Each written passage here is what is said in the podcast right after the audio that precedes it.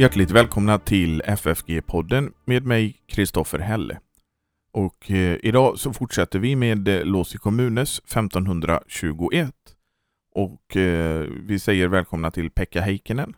Tack. Vi ska prata om kärleken idag, som är det nionde kapitlet. Och är det så att man vill ge ett bidrag till eh, församlingsfakultetens och poddens arbete, gör det gärna på Swish. Numret är 123 100 8457 och så märker man det med FFG Gåva eller FFG Podcast. Numret finns också i eh, avsnittsbeskrivningen.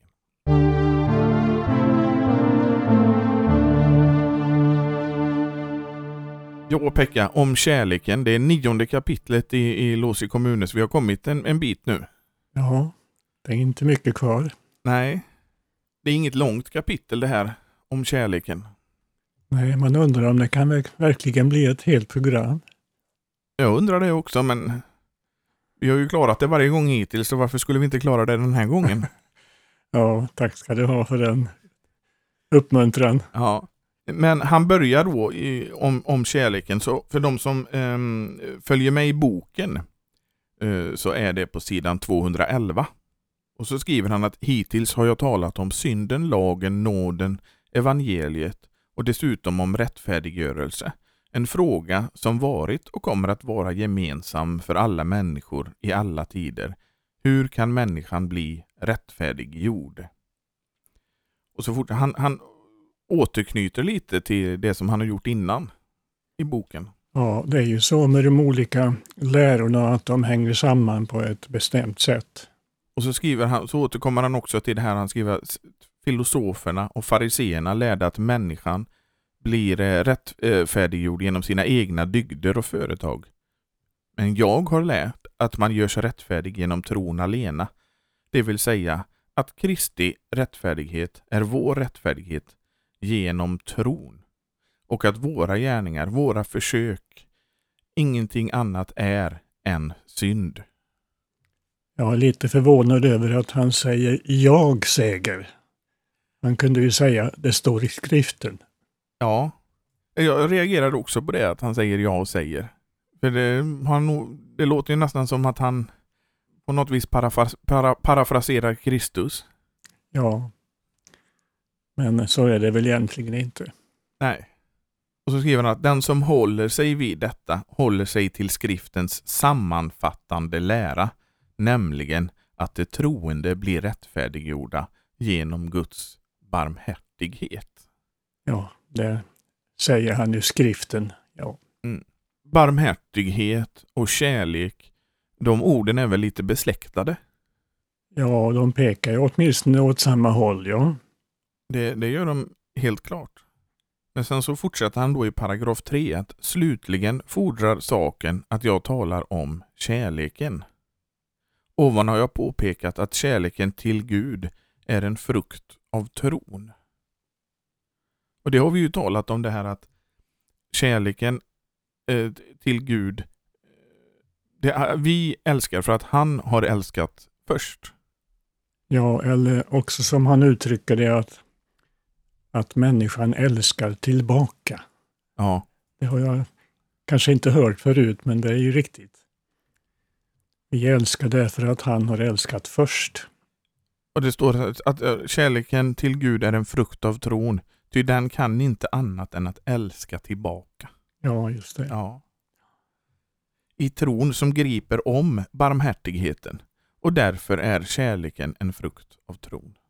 För det är ju så att det finns ju en viss typ av kärlek som vi, den fallna människan fortfarande, till sina barn och så, som den fallna människan kan känna, men den äkta kärleken den startar ju med Gud.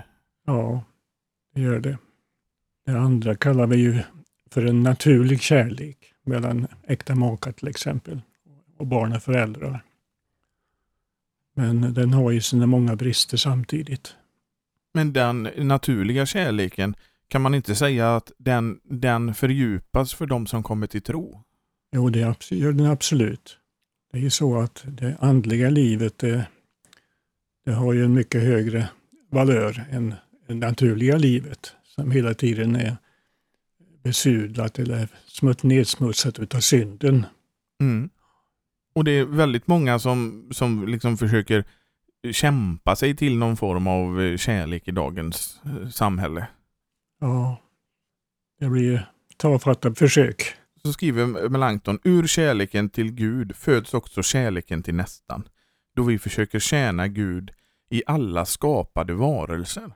Ja, det är ett, ett lite ovanligt sätt att, att, att beskriva saken, nästan kärleken. Men eh, det får väl duga det också.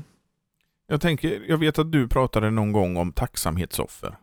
Och då sa du att man ska göra allt som ett tacksamhetsoffer för Jesu försoning. Om man har Jesu försoning för ögonen hela tiden, då blir det ju lättare, är det inte så? Att det blir lättare i kärleken till nästan. Ja, kärleken till nästan har ju sin källa i kärleken till Gud. Så visst kan man då säga att, att det gör kärleken till nästan lättare ju, mm. mer, ju, ju, mer man eh, så att säga har gemenskap med, med Gud och vad han har gjort för oss genom Kristus. Desto eh, lättare är det då att älska sin nästa också. För att det, det är det här med att, eh, att älska sin nästa. Den naturliga människan kan ju inte göra det. Och den gamla människan, den naturliga människan, den finns ju kvar även efter när man har blivit omvänd. Men har man Jesu försoning för ögonen så är det ju lättare att veta att den gamla människan är kvar med sina fel och brister. Men att Jesus genom sin försoning ändå har eh, försonat även den relationen så att säga. Ja. Och Melanchthon han eh, hänvisar ju särskilt till det dubbla kärleksbudet och till den gyllene regeln som eh, en kristen kan ha som, eh, som eh, ett rättesnöre att, att rätta sig efter. Mm. Det finns väl de som menar på att en kristen behöver inga rättesnören utan han eller hon älskar nästan spontant utan att man behöver ha några rättesnören. Men det tycker jag är lite för optimistiskt. Utan visst behöver vi som sanna kristna även ha den gyllene regeln och det dubbla kärleksbudet att rätta oss efter. Och även de tio buden. Men Jesus säger ju att ett kännetecken på att man är hans lärjunge, det är att man visar varandra kärlek. Ja, det säger han. Och det är väl någonting som, vad ska man säga, som kan vittna om den eh, Eh, aktiva rättfärdigheten här i, på jorden. Att man att kristna bland sig visar varandra kärlek. Det blir ett vittnesbörd. Ja, det gör det ju. Men det är ju inte, är ju inte så att man att en kristen ska försöka att ge ett vittnesbörd om sin egen tro. Utan eh, det är någonting som man ska göra för, för Guds skull, eller för Guds ords skull. Att det sedan också blir samtidigt ett vittnesbörd, det är ju bara eh, positivt. Mm. Melanchthon han nämner om Augustinus hur han har en viss turordning när det gällde nästan-kärleken. Att först ska man älska nästans själ och sedan nästans kropp. Och först ska man älska sina egna till exempel den egna familjen. Och i andra hand andra människor. Och det, denna turordning kan man ju delvis finna även i Nya Testamentet. Paulus skriver det att den som inte tar vara på sina närmaste, han är ju, han är ju sämre än en hedning, skriver han till och med i något av sina, sina brev. Så att han sätter ju också detta med de närmaste som, som nummer ett som man ska älska när det gäller att älska nästan. Att man, det ska vara närmaste och, och de som tror, andra, andra kristna alltså. Mm. Och sen i andra hand ska man älska andra människor som inte är kristna då. Men eh, det finns ju också eh, motsatsen, exempel på motsatsen eh, Melanchthon skriver är att i Matteus 5 Romarbrevet 12 eh, lär eh, Gud att, att man ska älska fiender och vänner lika mycket. Man ska inte göra skillnad. Så där är lite olika bud tycker jag. Ja, det är det verkligen. Det är ju mycket lättare att eh, älska sina närmaste än att älska sina fiender. Att älska sina fiender kan ju ibland vara riktigt svårt till och med. Ja, det är ju stor skillnad. Och en oomvänd människa mm, kan ju absolut inte älska sina fiender, utan det, det, är, helt, det är helt omöjligt.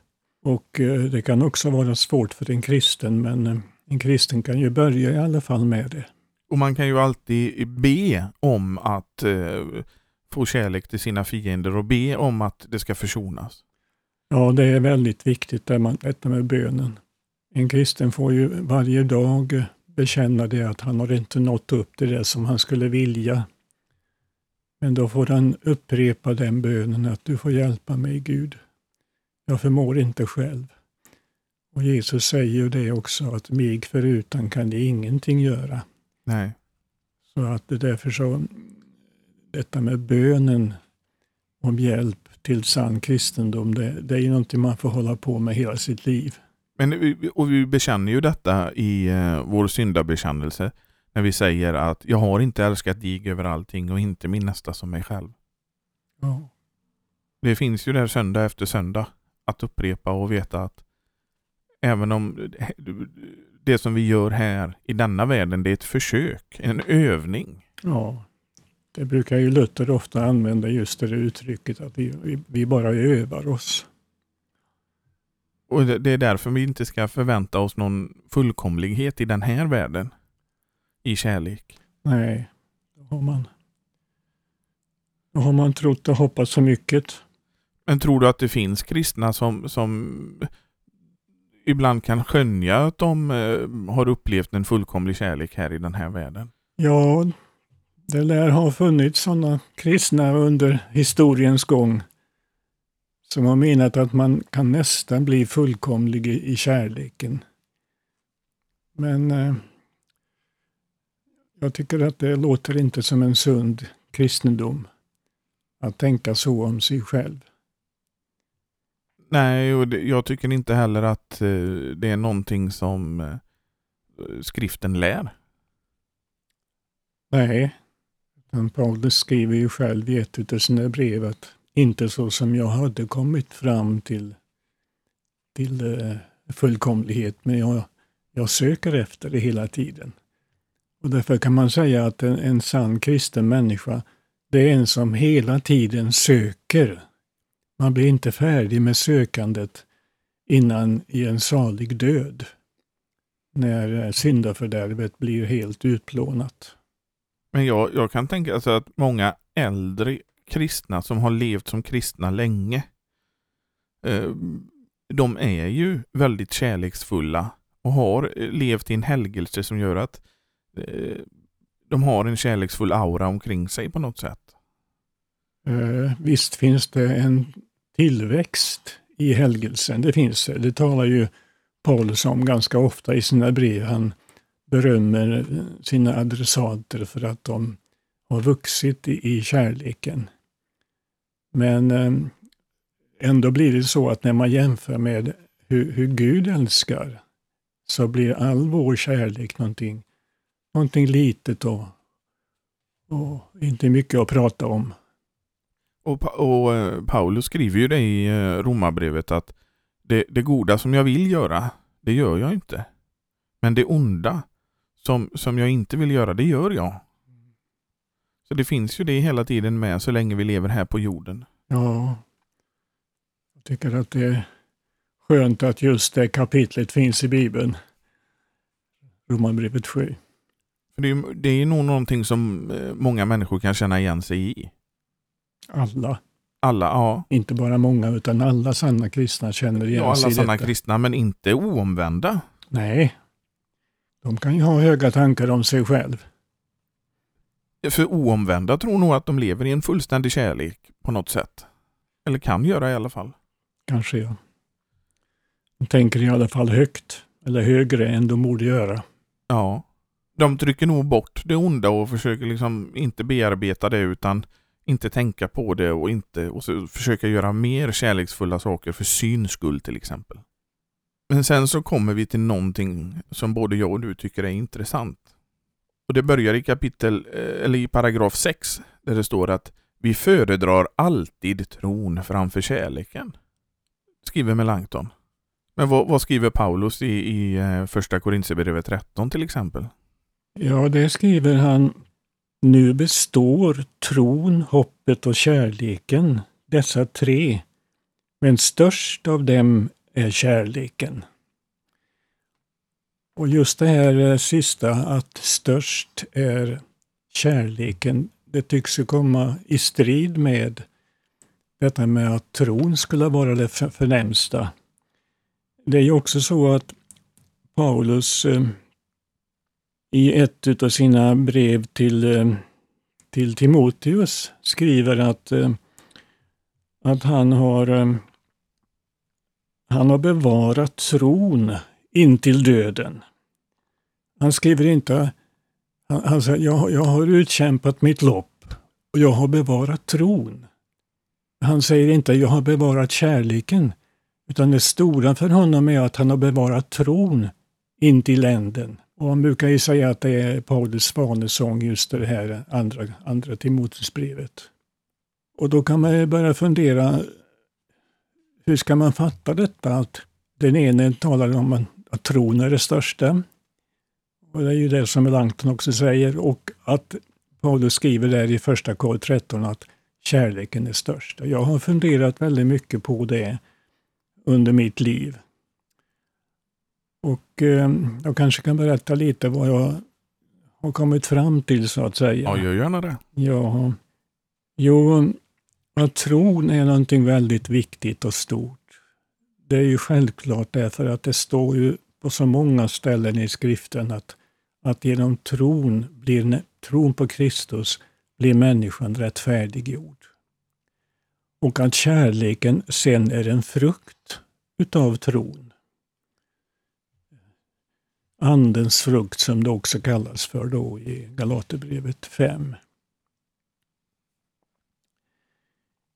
Men hur kan det vara så att den ene säger ett och den andra säger någonting annat?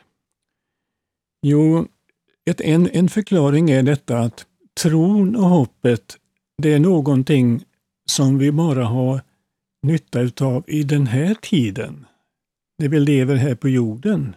Men kärleken, det är någonting som fortsätter efter jordetiden, i evigheten. Den, den, den fortsätter alltid. Och ehm, den fullkomnas sedan också i evigheten. Den blir aldrig fullkomlig här i tiden, men i evigheten där blir den fullkomlig. Så det tycker jag är en förklaring till varför man kan säga att kärleken är störst.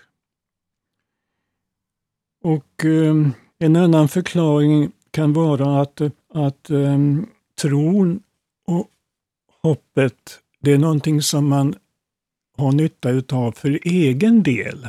Men kärleken, det omfattar andra människor.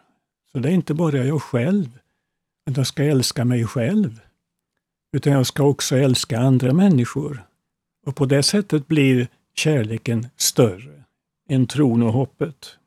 Och sen en tredje förklaring kan vara det att, eh, att Gud själv är kärleken. Så vi brukar inte tala om att Gud tror. Även om man får säga att Jesus som sann människa eh, tror. Det kan man säga. Men eh, annars är ju inte tro någonting som egentligen närmast har med Gud att göra. Och inte hoppet heller. Men kärleken, det är ju någonting som, som har med Gud att göra. Ty så älskade Gud världen att han utgav sin enfödde son. Och eh, Gud kallas ju också på ett ställe i Johannesbreven för kärleken. Gud är kärleken. Så att de här tre eh, förklaringarna kan ge en liten eh, ljusglimt över det där att, att kärleken ändå sägs vara det största. Ja, jag tänker just det här med Langtons att störst av allt är kärleken. Eh, det är ju också någonting som djävulen utnyttjar och försöker att få människor att tro att man ska kunna klara sig på sin egen kärlek. Störst av allt är ju ändå kärleken. Ja, han har många finter. Och då tror ju människan väldigt gärna att man kan klara sig själv. Jag kan bäst själv. Men om den människan då fortsätter att, att bruka Guds ord så, så kommer den heliga ande att rätta till de där tankarna och visa det att man kan inte bygga sin frälsning på sin egen kärlek. Nej, men vi ska vara noga med att påpeka att detta med, med påpekandet av kärlek, det är ju någonting som djävulen försöker göra med sanna kristna. Kan du förklara lite närmare? Ja, alltså att eh, djävulen försöker ju attackera de sanna kristna. De som redan är fallna, de har ju han redan i, i sitt våld så att säga. Men det är också viktigt tycker jag att, eh, att den som ska predika Guds ord inte får glömma bort att mana de kristna att leva i kärlek till Gud och till sin nästa. Därför att det, det kan annars lätt bli så att, att man betonar så väldigt mycket trons rättfärdighet att man försummar att tala om detta som skriften talar om så mycket. Att en, att en kristen ska leva i kärlek. Mm. Så la, lagen är inte eh, det är inte slut med lagen därför att man genom tron har blivit rättfärdiggjord. För lagen har fortfarande sin, sin gamla fordran på människan. Och jag tror att den till och med har samma fordran kvar i evigheten. Man ska ju älska där också. Ja, men det blir ju lättare i evigheten än vad det är här på jorden. Det tror jag det. Då är ju syndafördärvet borta. Man kan inte tänka sig hur underbart det blir. Men det här med, med kärleken, det tillhör ju lagen på något sätt, att du ska älska din nästa. Det är ju inte, många misstolkar ju det som att det skulle vara en form av evangelium. Men det är ju lag. Ja, det är det. Och det fortsätter att vara lag, men eh, det som jag sa förut att eh, lagens tid är inte slut med det att man har blivit eh, sann tro, sann troende, Kristus troende. Utan den har sin makt kvar hela, hela tiden. Både här i tiden och i evigheten. Och det finns ju det som vi brukar kalla för lagens tredje bruk. Ja, det är just det vi pratar om här. Ja. ja. ja. Och då är det ju att en kristen kan glädjas över lagen. Precis som det står i Saltaren att, att man gläds över undren i din lag. Ja, det är ju den stora skillnaden mellan en oomvänd och en omvänd människa, att den oomvända människan hatar Guds lag. Men en sann kristen har börjat att älska Guds lag. Och då, är det, då kan man alltså glädjas över lagen. Ja, det är precis vad jag menar. Ja. Och det är ju som eh, Melanchthon tar upp och som sen har börjat eh, kallas för lagens tredje bruk. Sen så eh, skriver han att ty jag vill inte att andens frihet binds genom disputationer som de summaförfattarna ägnar sig åt, eller Kikero i tredje boken, där han talar om dens plikt efter, som efter ett skeppsbrott kommer till samma planka som en vis man håller fast vid. Och Då avslutar han det här kapitlet med Bort med dessa idiotiska frågor som man inte finner några exempel på i det verkliga liv som människor lever. Ja, jag har lite svårt att hänga med eh, Melanchthon där i det resonemanget. Eh, hur, hur han eh, menar att man ska utlägga det där att om, om, om, om man kommer till samma planka som eh, en annan redan håller i, kan man inte hålla i samma planka båda två? Jo, men jag tror att han menar att det är de här teoretiska resonemangen, filosofiska resonemangen om, som inte har en bäring på människors liv. Jag hör, jag hör många gånger folk säga, vem skulle du rädda först? Din son eller en främling om de höll på att drunkna? Det är ju sådana här teoretiska filosofiska resonemang som egentligen inte har bäring på, på människors verkliga liv. Jaha, okej. Så att teoretisera kring saker som inte... Det flyttar ju också fokus från det verkliga. Från kärleken, från uh, Guds lag och evangelium. Är du, är du med på min tanke? Försöker. För att istället för att gå in på det som är tjänat så försöker man gå in på de här, som han kallar de här idiotiska resonemang. Som inte... Det, måste, det, måste ju, det är ju samma sak som en predikan. Måste spela roll i människors liv. Du kan inte stå där och teoretisera och, och människor kan inte koppla till eh, det du säger. Nej, det är väl så att Paulus också är inne på ungefär samma resonemang, att man ska inte hålla på med släktledningshistorier och annat sådant. Utan man ska hålla sig till det rena och klara gudsordet. Ja, för, men om man som predikant börjar prata om saker som inte spelar roll i människors liv. Om du står där på dina höga hästar och använder ord som folk inte förstår eller resonemang som folk inte förstår eller som inte är hämtade ur skriften. Då spelar det ingen roll, då är det ju bara intellektuella övningar. Ja, det får man ju akta sig för. Ja, för du predikar ju inte för dig själv. Jo, det får jag också göra. Jo, men du predikar ju inte i eget syfte. Du predikar du går ju Guds ärende. Ja, det vill jag, vill jag verkligen göra. Och det menar ju han att sådana här teoretiska resonemang, det har ingen bäring på folks verkliga liv, som han skriver. Som verkliga liv som människor lever, lägger han Och det tror jag är en... Jag tror att det är en viktig eh, poäng. Annars kanske det blir en fantasivärld istället man lever i.